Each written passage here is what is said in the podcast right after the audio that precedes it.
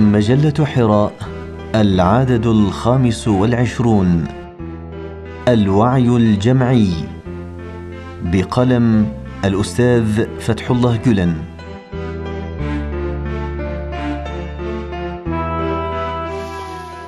إن أشد الفترات تأزما في حياة الأمم هي الفترات التي تعيش فيها حالة تغير اجتماعي وتعيد فيها تشكيل بنائها الذاتي من جديد. وإن حالها في هذه الظروف تشبه حال الأحياء التي تدخل مرحلة التحول البيولوجي حيث إنها طوال عملية التجدد تتقلب وسط أوجاع مخاض مرهقة وتقاسي كروبا مضنية وتكابد الاما متتالية لكي تطرح عنها عناصر بالية مضرة وتطور بدلا منها عناصر جديدة نافعة كذلك في فترات التحول الاجتماعي وبسبب الأحداث التي تثير حالة التوتر لدى الجماهير لا مناص من الوقوع في براثن الأزمات سواء على مستوى الفرد أم المجتمع.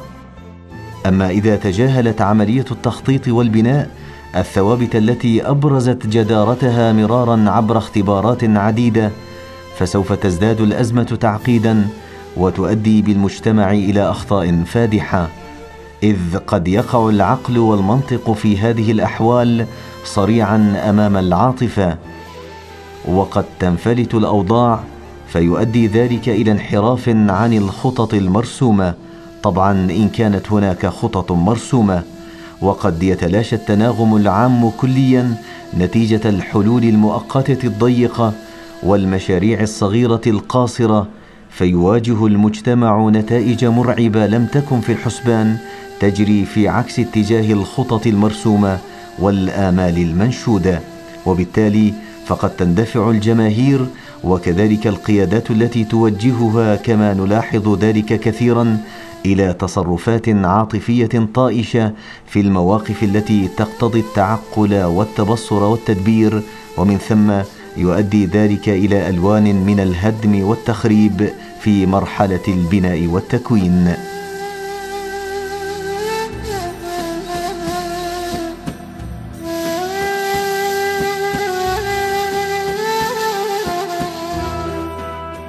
إن الشعوب والأمم كثيرا ما تجد نفسها أمام ملتقيات قدرية إبان فترات إعادة البناء ومخاض التحولات. تلك الملتقيات قد تحمل في طياتها إمكانات الرقي والتألق الباهرين ولكن قد تنتهي بها بسبب اندفاع الجماهير وجشع المتمركزين في القمم إلى انهيار فجائي لكل ما تم بناؤه حتى تلك اللحظة والعودة إلى نقطة البداية من جديد. وتلك لعمري مأساة قلما خلت منها حقبة من الزمان. بيد أن ما يجدر ذكره هنا أن الفرد في فترات التغير والتحول تعتريه حال مغايرة للحال التي كان عليها في أيامه الطبيعية إذ ينسلخ من الحالة الفردية انسلاخا تاما ويتقمص بقميص سيكولوجية الجماهير ويتحول إلى كيان جماهيري حتى يصير جزءا لا يتجزأ من الحشود التي تندفع كالسيل الهادر نحو اتجاه واحد تبتغي الوصول إليه ولا ترضى عنه بديلا. وفي سبيلها تلك تجرف كل ما حولها من عناصر وتدفع كل ما يعترض سبيلها بغية الوصول إلى هدفها المنشود. وإن الأفراد الذين تعرضوا لتحول ذهني كهذا لا يستطيعون أن يعملوا بعقلية الفرد المتثبت الممحص البصير بل يندفعون مأخوذين بسيكولوجية الجماهير وعقليتها منقادين لتوجيهاتها منصاعين لأوامرها. وإن ذلك النمط السابق من هذه العقلية ومفرزاتها يختلف تمام الاختلاف عن نمط عقلية الوعي الجمعي ويتناقض معه تمام التناقض في مقاصده ومآلاته. إذ إن النمط الأخير ينبني في أصله على التعقل والتمحيص والتثبت والتروي وملاحظة الحاضر والمستقبل معا في التقدير والتدبير ومعاينة الجزء مع الكل جنبا إلى جنب في آن واحد. ومن ثم كنا وما زلنا نحض على ذلك النمط من الوعي وننصح به باستمرار. فبينما تطغى على النمط الأول عواطف غير منضبطة وحماس غير متزن وانفعالات غير منتظمة يتألق في النمط الثاني التعقل والتبصر والانضباط والانتظام والحذر والتثبت.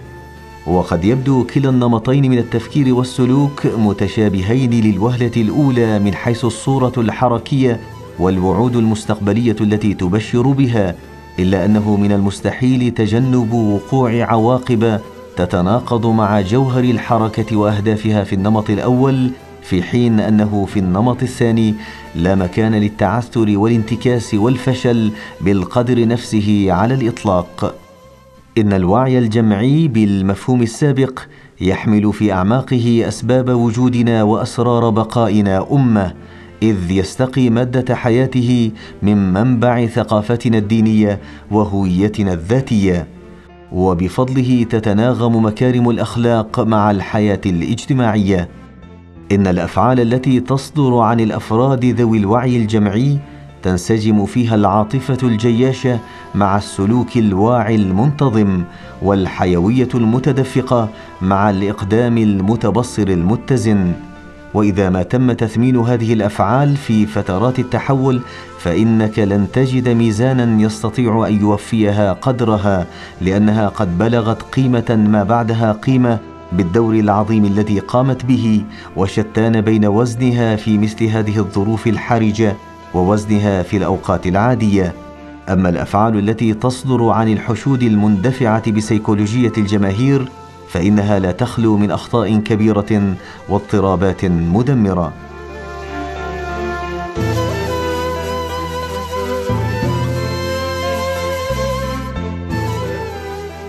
إن المبادرات والمشاريع التي تستهدف مقاصد سامية وغايات عالية تسمو بأبنائها من حال إلى حال وترقى بهم من درجة إلى أخرى وتظل تشحذهم وتصقلهم حتى تنضجهم وتجعل منهم كيانات متوحدة في مجموعة واحدة وتخرج منهم أمما في أفراد.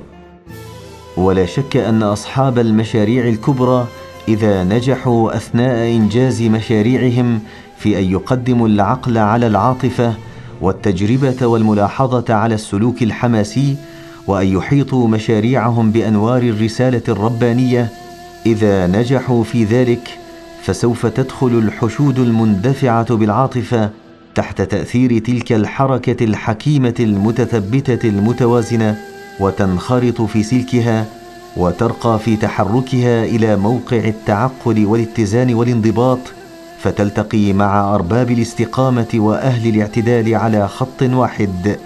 وهنا بالتحديد سوف يبرز أرباب المستوى ممن تفوقوا على الجماهير تبصرا وحكمة وفكرا ليتفاعلوا معهم ويقاسموهم عواطفهم الجياشة وحماسهم المتدفق وبالتالي سوف يظهر فضاء مركب عجيب من حركة العقل والعاطفة. وهكذا فإن الأفراد الذين لا يستطيعون بحكم مزاجهم البشري أن يكونوا رجال تعقل واتزان في كثير من الأحيان بعد تسرب هذا الفهم الحكيم إلى وعيهم وشعورهم وتشربهم له وبعد تقلبهم في بوتقة الوعي الجمعي وانصهارهم فيها وبعد قبولهم هذه الخميرة الحيوية واستيعابهم لها ودخولهم في مراحل تحولية جوهرية وتشكلهم فيها فإن هؤلاء الأفراد سوف يتسامون إلى مرتقى عال وفضاء واسع يصبحون فيه أبناء مثاليين لمجتمع مثالي. وإن جميع التحولات التي تحصل في هذه الوتيرة الكريمة قد لا نجد لها تفسيرا معقولا للوهلة الأولى وقد تبدو لنا وكأنها تحدث في عالم من الخوارق بدفع من قوى غامضة خفية.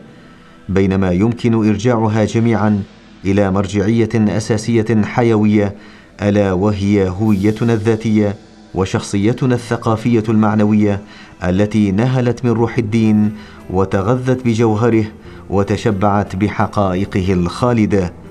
وإنه لمن الحقائق الكبرى التي لا تقبل الشك والمراء أن أبناء أمتنا النجباء بفضل هويتنا الذاتية هذه قد اجتمع شملهم والتأم شتاتهم حول فكرة واحدة وعاطفة واحدة مرات عديدة طوال التاريخ فانتظمت صفوفهم على غايات متبادلة وأحلام مشتركة وخفقت قلوبهم بنفس المشاعر والآمال ودافعوا جنبا إلى جنب عن القيم السامية نفسها وكافحوا صفا واحدا من أجل المبادئ العالية نفسها. واستبقوا فيما بينهم دون توقف أو فتور لتحقيق الرؤى المنشودة عينها والمقاصد السامية نفسها.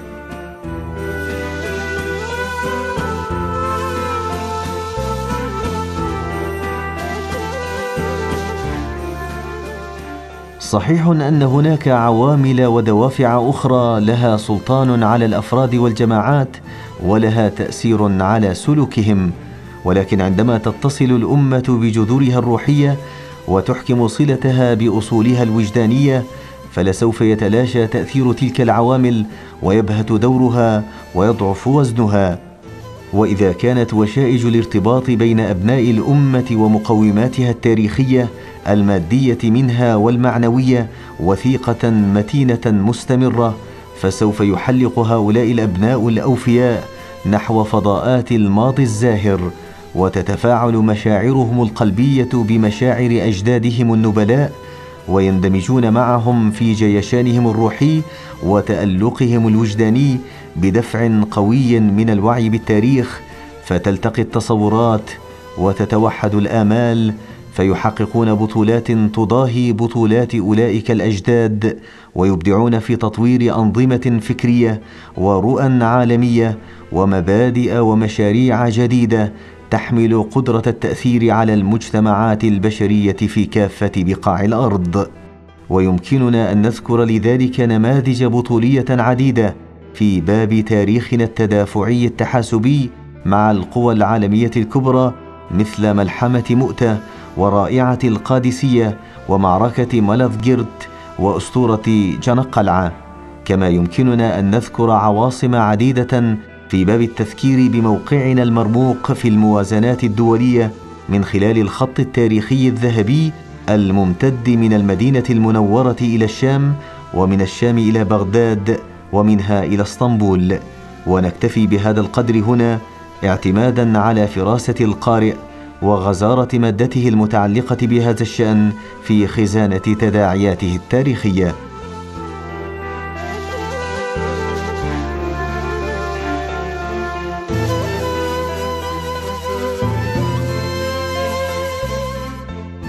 لقد دخلنا في هذه الأيام مع الأمم والشعوب المرتبطة بنا في سلسلة من التحولات والتغيرات.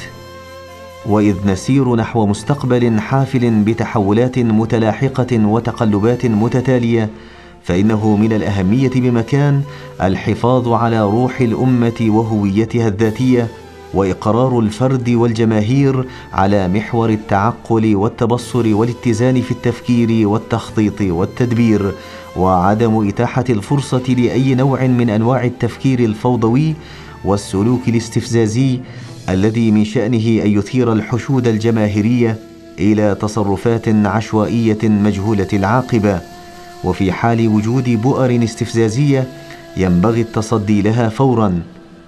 وإن اتباع هذه الخطوات واتخاذ تلك التدابير مهم جدا بقدر أهمية الإرشاد إلى الله سبحانه وتعالى والجهاد في سبيله بل قد يكون أهم منهما وأخطر في الظرف الراهن بالذات. ولا يغيبن عن البال ابدا أنه من السهول بمكان أن تتحول الجماهير الحاشدة من الألفة إلى البغض ومن الوحدة إلى التفرق ومن التحرك المشترك إلى الفوضى والتمزق. لذا ينبغي ألا تتاح الفرصة لأفراد الحشود العشوائية في أن يجرفوا أنفسهم والأمة التي ينتمون إليها نحو عواقب مأساوية بسبب معالجات متعجلة متسرعة أو تحت تأثير بعض النفوس المولعة بالمغامرات. أجل ينبغي التصدي لتلك النفوس المغامرة حتى لا تعبث بمقدرات الأمة وبالمقابل يتطلب الموقف توجيه الأنظار باستمرار إلى الأبطال المخلصين الذين يمثلون روح الكتاب المجيد وجوهر السنة النبوية الشريفة. وإنك لتلمح في سلوك هؤلاء الأبطال الذين يعتبرون ركنا نورانيا اساسيا من أركان الوعي الجمعي الذي يدور في مدار الوحي الإلهي.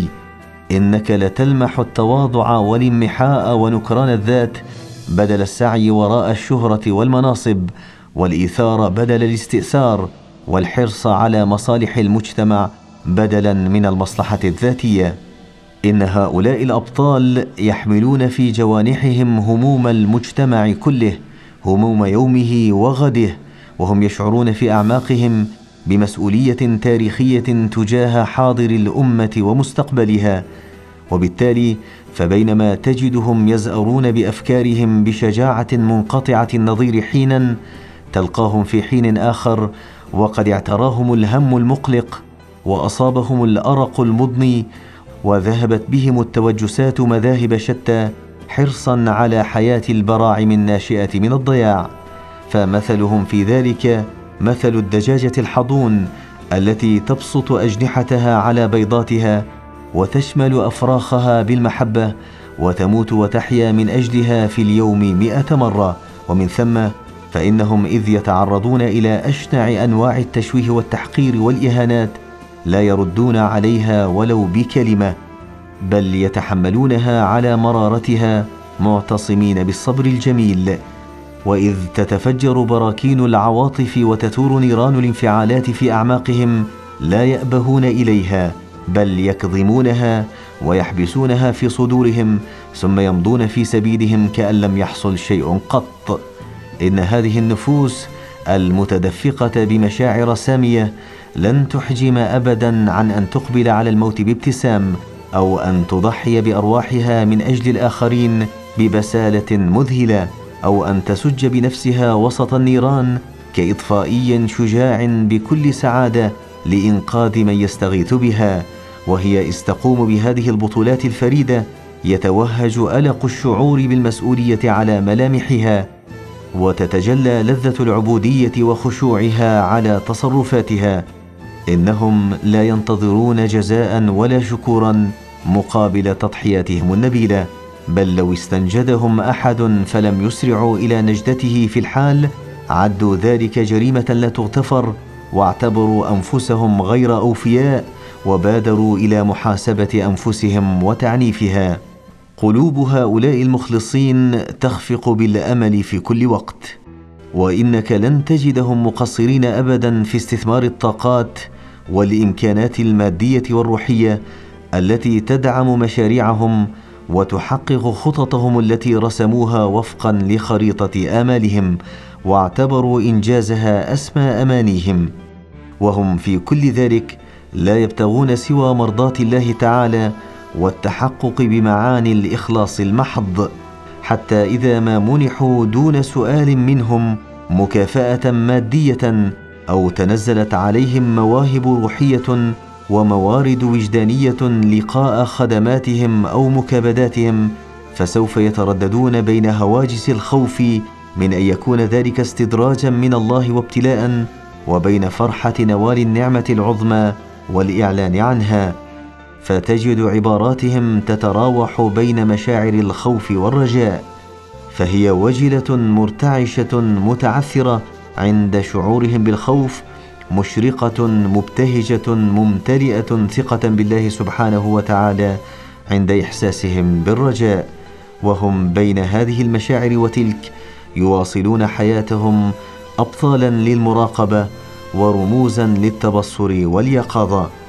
وينبغي التأكيد على أن هؤلاء المتيمين ليسوا رجالا مستسلمين متواكلين سلبيين ابدا. فبالإضافة إلى توكلهم الكامل على الله سبحانه وتعالى وتسليمهم الخالص له وتفويضهم التام إليه فهم منتبهون إلى ما يجري حولهم من وقائع أشد ما يكون الانتباه.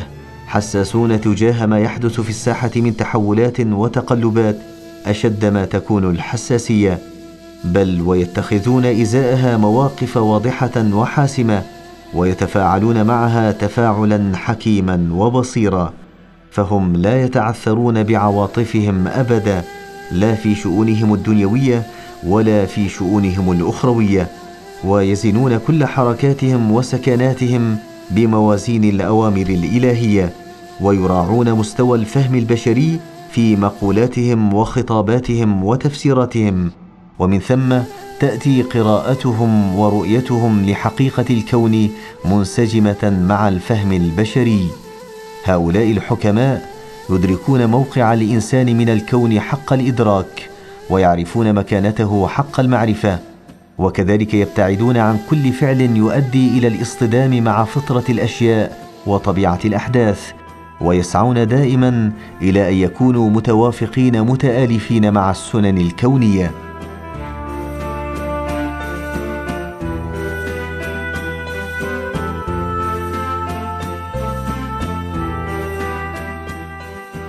هذا ولكي نسير بخطوات واثقة إلى المستقبل المشرق الذي نؤمل أن يكون لنا ننبه فيما يلي إلى قضايا في غاية الأهمية والحيوية. ينبغي على الأمة جميعا وبالأخص على النخب والمثقفين منها أن يؤسسوا سلاما بينهم وبين تاريخهم.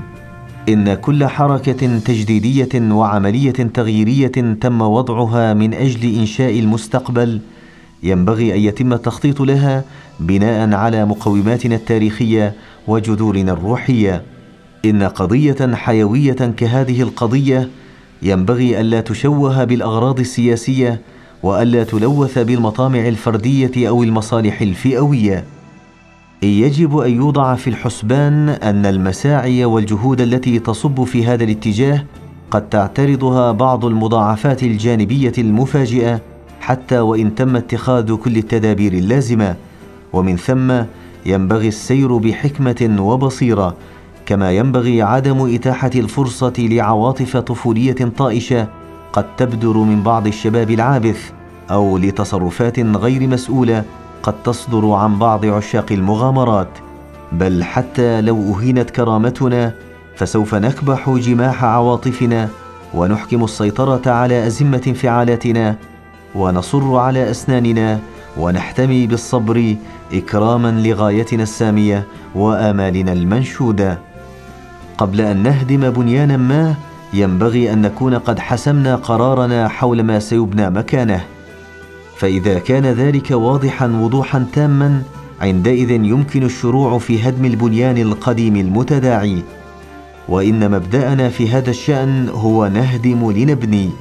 ومن ثم فقبل أن نضرب أول معول على المبنى الذي نريد هدمه ينبغي أن يكون نموذج البنيان الجديد جاهزا حاضرا أمام أعيننا. إن جميع القرارات وكافة الأفعال المتعلقة بأي مشروع في هذا الإطار ينبغي أن تزود بالعلم والخبرة والمعرفة والتخطيط.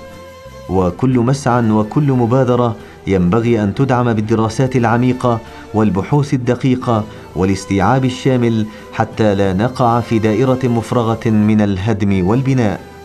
لا شك أننا نقف اليوم في مفترق طرق وعلى ملتقى قدري مرة أخرى. ففي ظل الموقف الحرج الذي نعيشه والموقع الدقيق الذي نوجد فيه إذا استطعنا أن نستثمر المرحلة الزمنية التي نمر منها بأفكار عظيمة ومشاريع عملاقة ورؤى بعيدة المدى وعزيمة كعزيمة الأنبياء فإن فرصتنا في رجحان كفه ميزان الملتقى لصالحنا أسنح بكثير بالمقارنة مع الأمم الأخرى في العالم لكي يبزغ نجم سعدنا متالقا في الآفاق.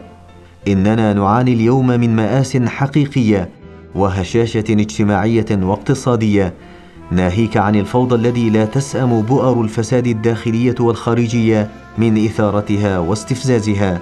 لكنني على يقين تام بأننا قادرون على تجاوزها. إذ إن سنة الله اقتضت ألا تستمر وتيرة السقوط والتراجع إلى الأبد وألا تسير عجلة الأحداث والوقائع في اتجاه واحد قط وألا يمتد سلطان الليالي إلى أبد الآباد. فكم من مرة دار الزمان دورته فتألقت خرائب الديار بلآلئ العمران من جديد وعادت يد الأحداث التي تسير في خط دائري. توزع أزهار البسمات على البؤساء الذين أبكتهم فيما مضى وانهزمت ظلمات الليل أمام ضياء النهار مدحورة مقهورة ودوت جنبات الكون مهللة بضحكات النور الساطعة.